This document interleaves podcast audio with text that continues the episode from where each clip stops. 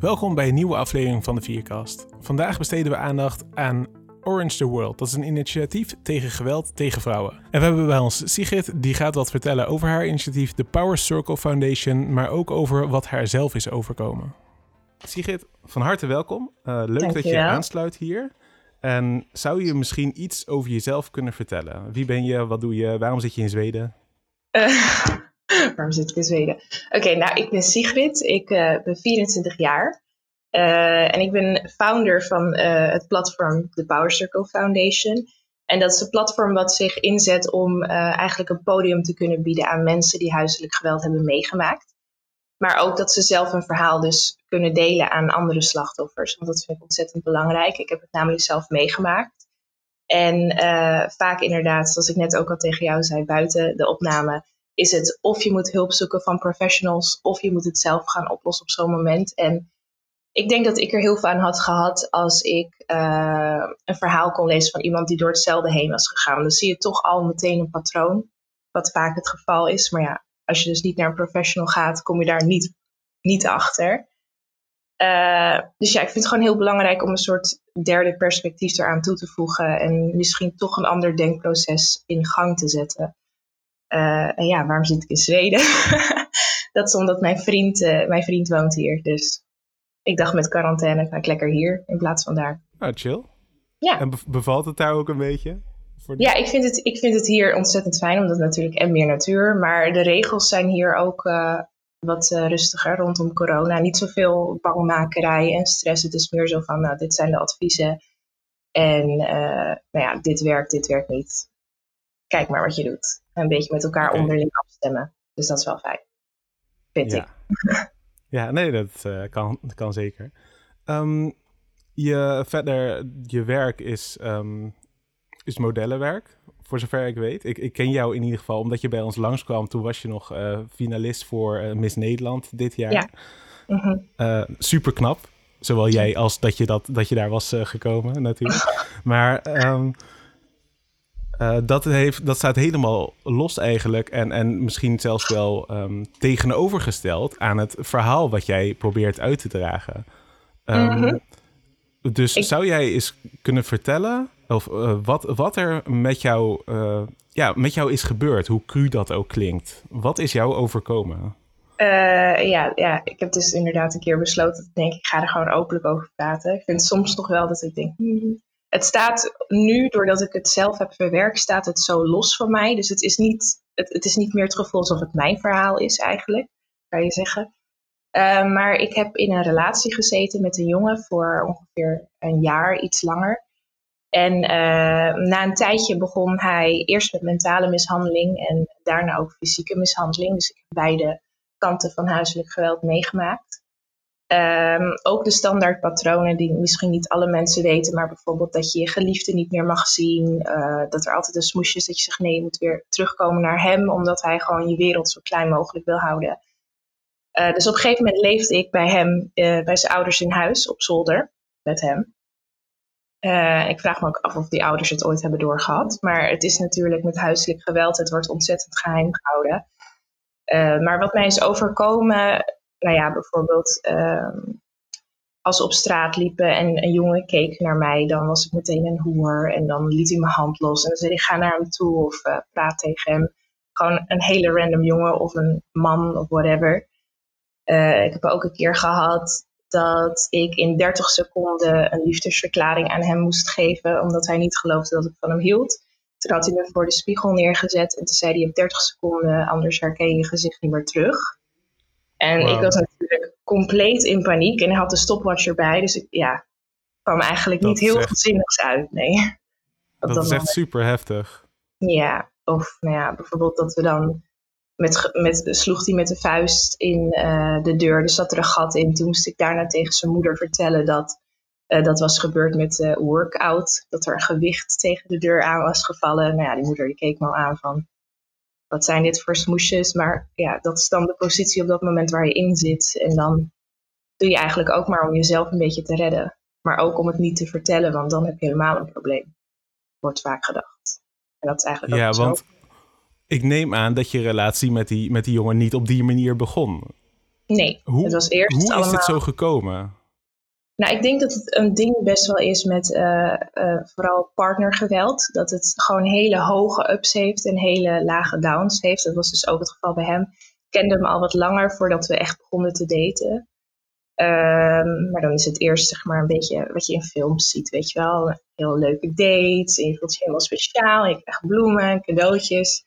En dan uh, ja, op een gegeven moment, ik weet nog heel goed de eerste keer, dat was in de badkamer. Ik zat gewoon op de wc, hij was tanden aan het poetsen of zo.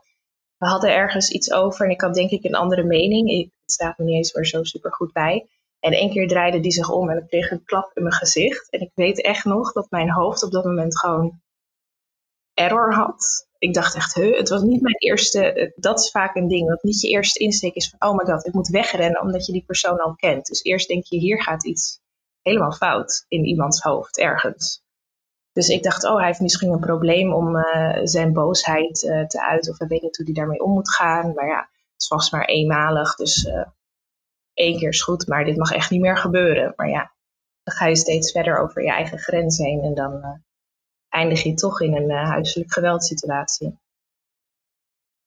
Ja, ja, dus het gaat stukje bij beetje, ga je meer ja. accepteren eigenlijk. Ja, en vooral ook die emotionele hele hoge ups en downs. Uh, het is ook vaak zo dat iemand dan die jou mishandelt, daarna gaan ze heel ontzettend hard huilen. Of uh, uh, in mijn geval heeft hij zelfs een keer s'nachts op straat, vaker trouwens, dat ik kaart ging schreeuwen, huilen en helemaal in zo'n foetushouding ging liggen van oh help me, ik vind het eng, ik weet niet wat er met me aan de hand is.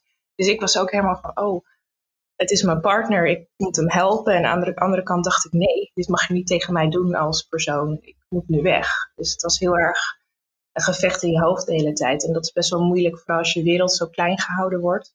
Om dan een soort derde perspectief eraan te hebben en echt logisch te handelen. Het is eigenlijk allemaal emotioneel en dat werkt gewoon niet echt in zo'n situatie. Wat bedoel je daarmee, als je wereld zo klein wordt gehouden? Nou, je kan niet even uh, relativeren of het nog normaal is of dat je al zeg maar zoveel grenzen over bent gegaan dat je eigenlijk echt professionele hulp moet inschakelen. Je doet het echt alleen. Want die persoon waar je dus mee bent nog, van alle geliefden die je dus hebt overgehouden, is alleen hij.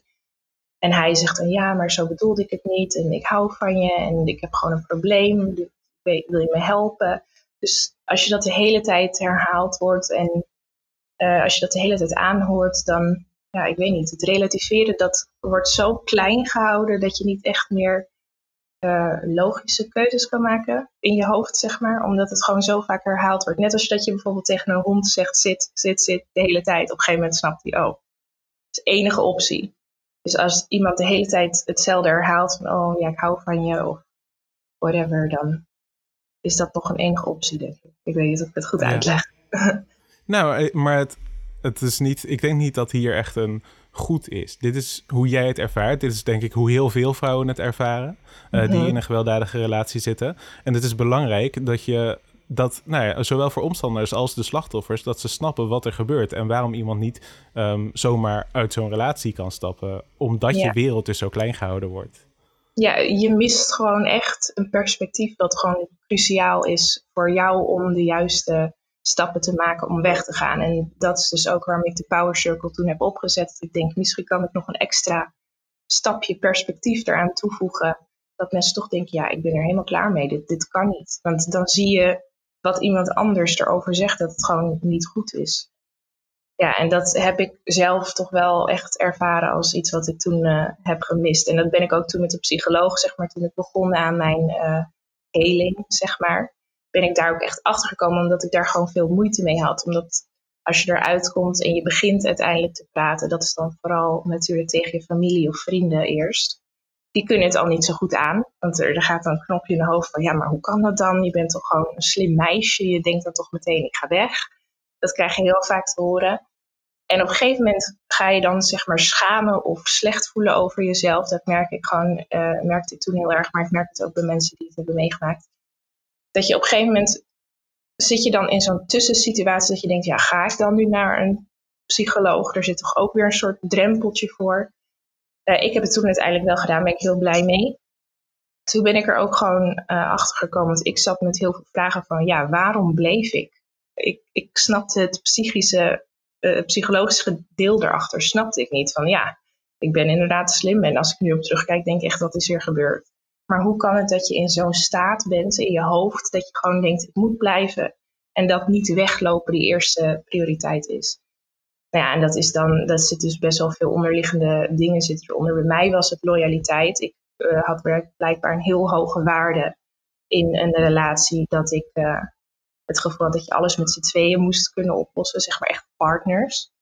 Maar ja, uh, de psycholoog zei op, natuurlijk zitten daar dus ook hele erge grenzen aan die jij overheen bent gegaan. Maar het is niet dat je jezelf kwalijk moet nemen dat jij die waarde hebt. Je moet gewoon, ja, je moet er nu mee leren omgaan dat het is gebeurd. Maar het kan eigenlijk iedereen overkomen. En dat is iets wat uh, nog niet echt geaccepteerd is, wat mensen ook niet weten. Ze hebben vaak een stereotype van, oh, dat is een dom, onzeker iemand. Of zo. Nou, dat is Precies. Zo. Jij, jij bent het slachtoffer en het ligt niet aan jou dat jou dat is overkomen. Ja, en dat is dus toch een dingetje wat mensen misschien zelf niet doorhebben als ze erover vragen. Het eerste is, waarom ben jij niet weggegaan? Het is, het, het is meer een soort, nou niet echt aanval, maar als je er nog niet overheen bent, kan het voelen als aanval van, nou, ja, weet ik veel. Je kan het dan niet goed beantwoorden in plaats van dat inderdaad over nou ja, wat er is aangedaan wordt gepraat. En waarom ben jij wel weggegaan? Want je zit nu niet meer in die relatie, je hebt nu hulp gehad. Wat was voor jou de drempel, of, of als dat er überhaupt was, um, dat jij hulp bent gaan zoeken? Nou, die was er bij mij niet, want hij heeft het op een gegeven moment uitgemaakt. Ik ging uh, een weekend naar huis en uh, nou ja, ik vroeg hem, ja, wanneer zou ik weer terugkomen? En op een gegeven moment zei hij, nee, ik heb je spullen in de vuilniszakken gedaan en uh, je hoeft niet meer terug te komen. Het was echt van één dag op de andere dag en in mijn hoofd was het weer een error van, huh, wat gebeurt me allemaal? Maar achteraf bleek dus dat hij al een ander meisje had. En dat wist ik helemaal niet. Uh, maar voor mij is dit zeg maar, dit is echt geluk geweest. Omdat ik dus inderdaad ook met de psycholoog achterkwam dat ik gewoon echt, ik geef niet snel op. Dus het, voor mij is het het beste geweest dat het echt zo is gegaan. Daar heb ik ook geluk mee gehad dat het maar een jaar is geweest. Want wie weet zat ik er nog in. Ja, dat is wel stom om soms toe te geven. Maar aan de andere kant denk ik dan ook, ja, ben geen opgever, maar dat is dan weer goed voor andere dingen. In dit geval was dat niet goed. Dat was een zwakte van mij. Elke, elke kracht kan een zwakte zijn en andersom ja. denk ik altijd maar. Ja, dus daarom draai ik het dus nu om met de Power Circle Foundation. Dan denk ik, nou, dan maak ik het maar mijn kracht. Want ja, het is toch gebeurd. Ja, want zou je daar iets meer over kunnen vertellen? Um, we hadden het er aan, helemaal aan het begin al even over. De Power Circle -hmm. Foundation, uh, iets wat jij hebt opgezet. Wat, wat is het? Waarom heb je het opgezet? En, en wat wil je ermee bereiken? Misschien niet in die volgorde, maar kies maar. uh, nou, ik heb het dus toen opgezet omdat ik... Uh, ik vond het in het begin te eng om aangifte te doen. Uh, ik kwam er wel achter dat er bijvoorbeeld meerdere meisjes waren. Dus we hadden ook met een groepje hadden het erover. Gaan we dat doen of niet? Maar we zijn er allemaal wel achter gekomen dat hij gewoon ontoerekeningsvatbaar is. Dus hij is niet, het is niet met opzet of weet je wel. Het is een beetje engig. Dus uh, we wisten dat als we aangifte zouden doen, hadden we ook gevraagd van ja, hoe sterk staan we? Ja, dat was niet zo sterk, want we hebben geen uh, afbeeldingen, weet je, of foto's, dat soort bewijs. Uh, en hij zou dan waarschijnlijk eerst mentale hulp krijgen en niet vast gaan zitten. Dus dat was, de dreiging was voor ons te groot. Dus ik heb toen gezegd, nou, ik durf het niet aan, ook voor mijn familie en zo. Maar ik voelde me daarna toch wel dat ik denk, ja, maar wat ga ik dan doen? De hele tijd stil zijn en niet teruggeven en zorgen dat het zeg maar niet weer gebeurt bij iemand anders.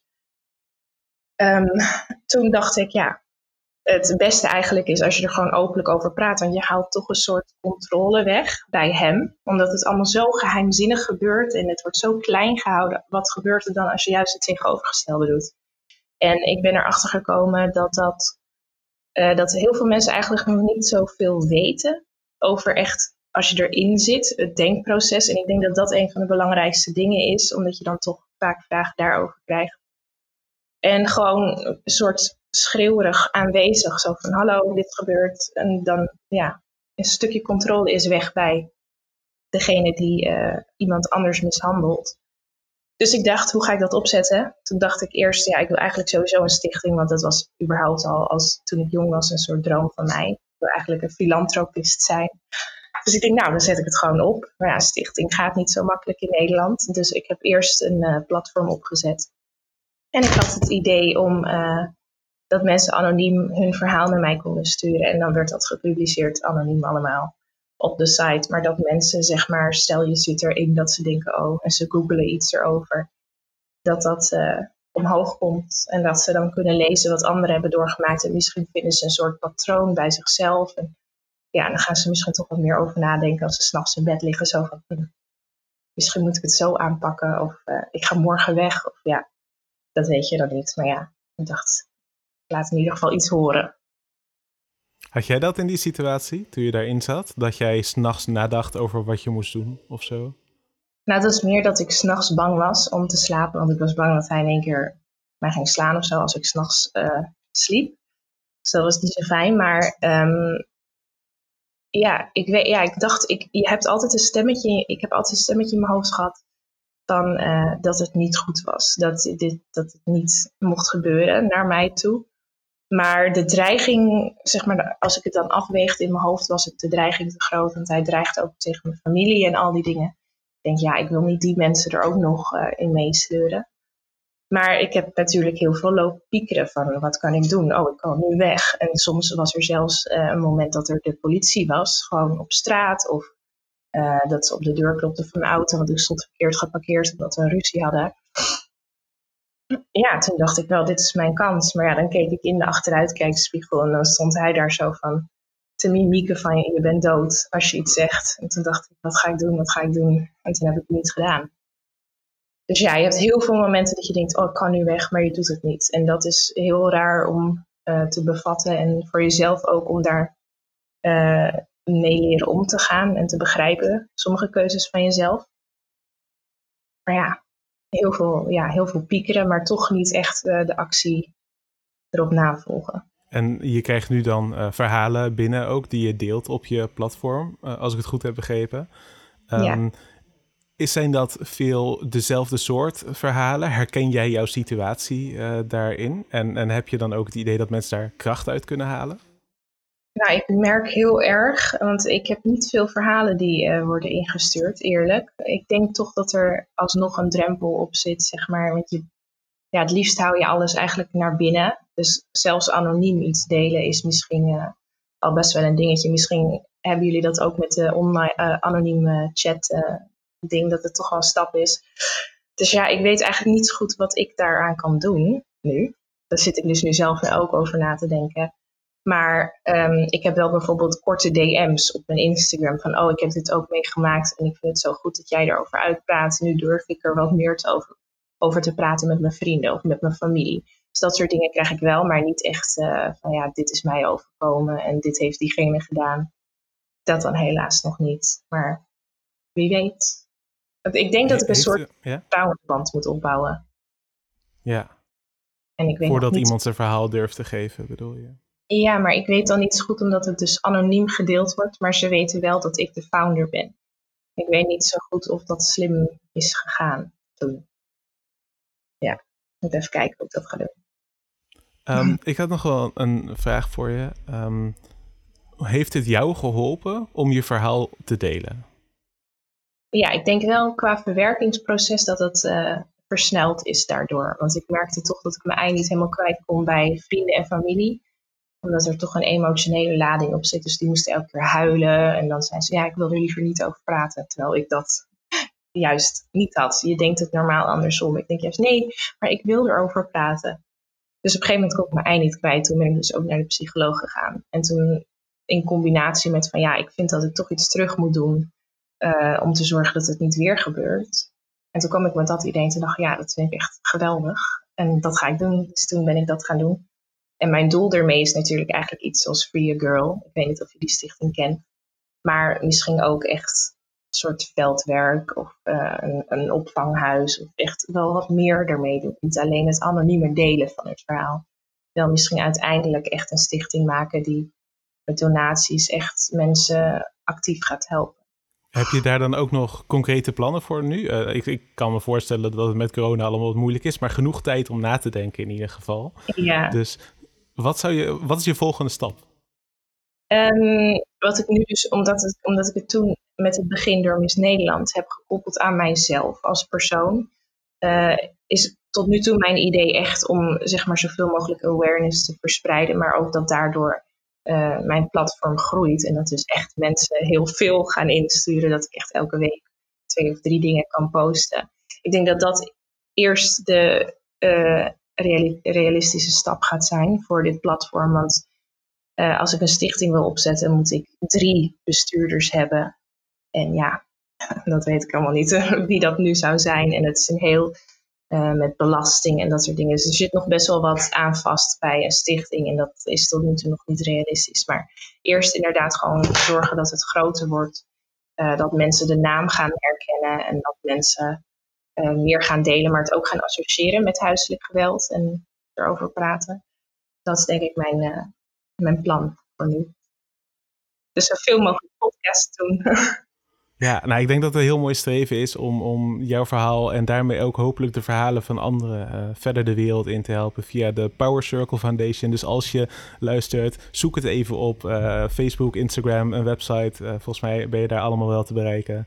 Ja. Um, en dan um, hopelijk inderdaad dat je meer verhalen krijgt. Want als je meer verhalen krijgt, dan wordt het normale om het te over te hebben. En dan hopelijk kan je daarmee die drempel verlagen voor mensen die al in zo'n situatie zitten. En ja. dat zou toch heel mooi zijn, dat je dus ja, dat je toch door die angst heen kan breken.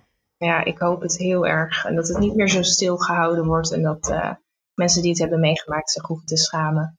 Dat hoop ik. Kan voor hun ook. Ik ben nu al prima, maar voor hun hoop ik dat ik dat ook uh, een soort van terug kan geven via de Power Circle Foundation. Nou, super bedankt uh, voor je deelname uh, vandaag aan de podcast. Ik denk dat het een heel mooi verhaal is, omdat jij het zelf hebt meegemaakt. Dus jij weet precies wat die mensen die nu in zo'n situatie zitten of die erin zaten, hebben meegemaakt. Dus ja, als je luistert en je, je herkent dit en je denkt van, oh ja, misschien is het voor mij ook wel goed om gewoon mijn verhaal te delen. Stuur het gewoon op naar Sigrid. En die, kan, die, heeft een, die heeft een heel mooi plekje voor. Dat klopt. En dankjewel dat jullie uh, mijn stem wilden laten horen op jullie podcast. Geen probleem. Dankjewel dat je erbij was. dankjewel. En ook jullie natuurlijk bedankt voor het luisteren naar deze aflevering. Heb je nou een eigen verhaal wat je graag wilt delen? Ga naar powercirclefoundation.com en laat daar je verhaal achter, zodat Sigrid het ook met andere mensen kan delen die daar weer steun uit kunnen putten. Dat was hem voor ons en tot de volgende aflevering.